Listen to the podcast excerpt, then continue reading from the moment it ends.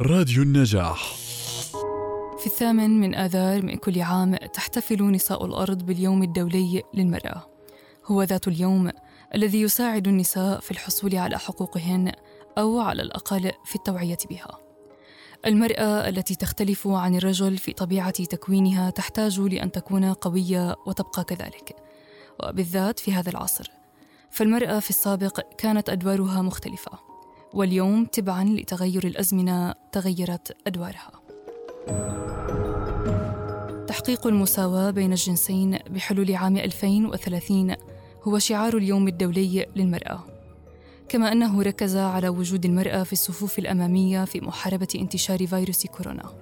إذ حمل اليوم عنوانا فرعيا هو المرأة في الصفوف القيادية.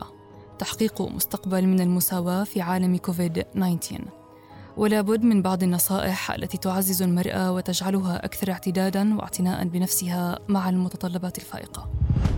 أن تعرف نقاط قوتها ونقاط ضعفها جيدا. أن تمارس أعمالا تطوعية. أن تهتم بصحتها الجسدية والنفسية والروحية. أن تبحث عن اهتماماتها وتستمتع بها وتحدد أولوياتها. أن تجعل جميع علاقاتها صحية سواء العاطفية أو المهنية أو مع الأصدقاء والعائلة.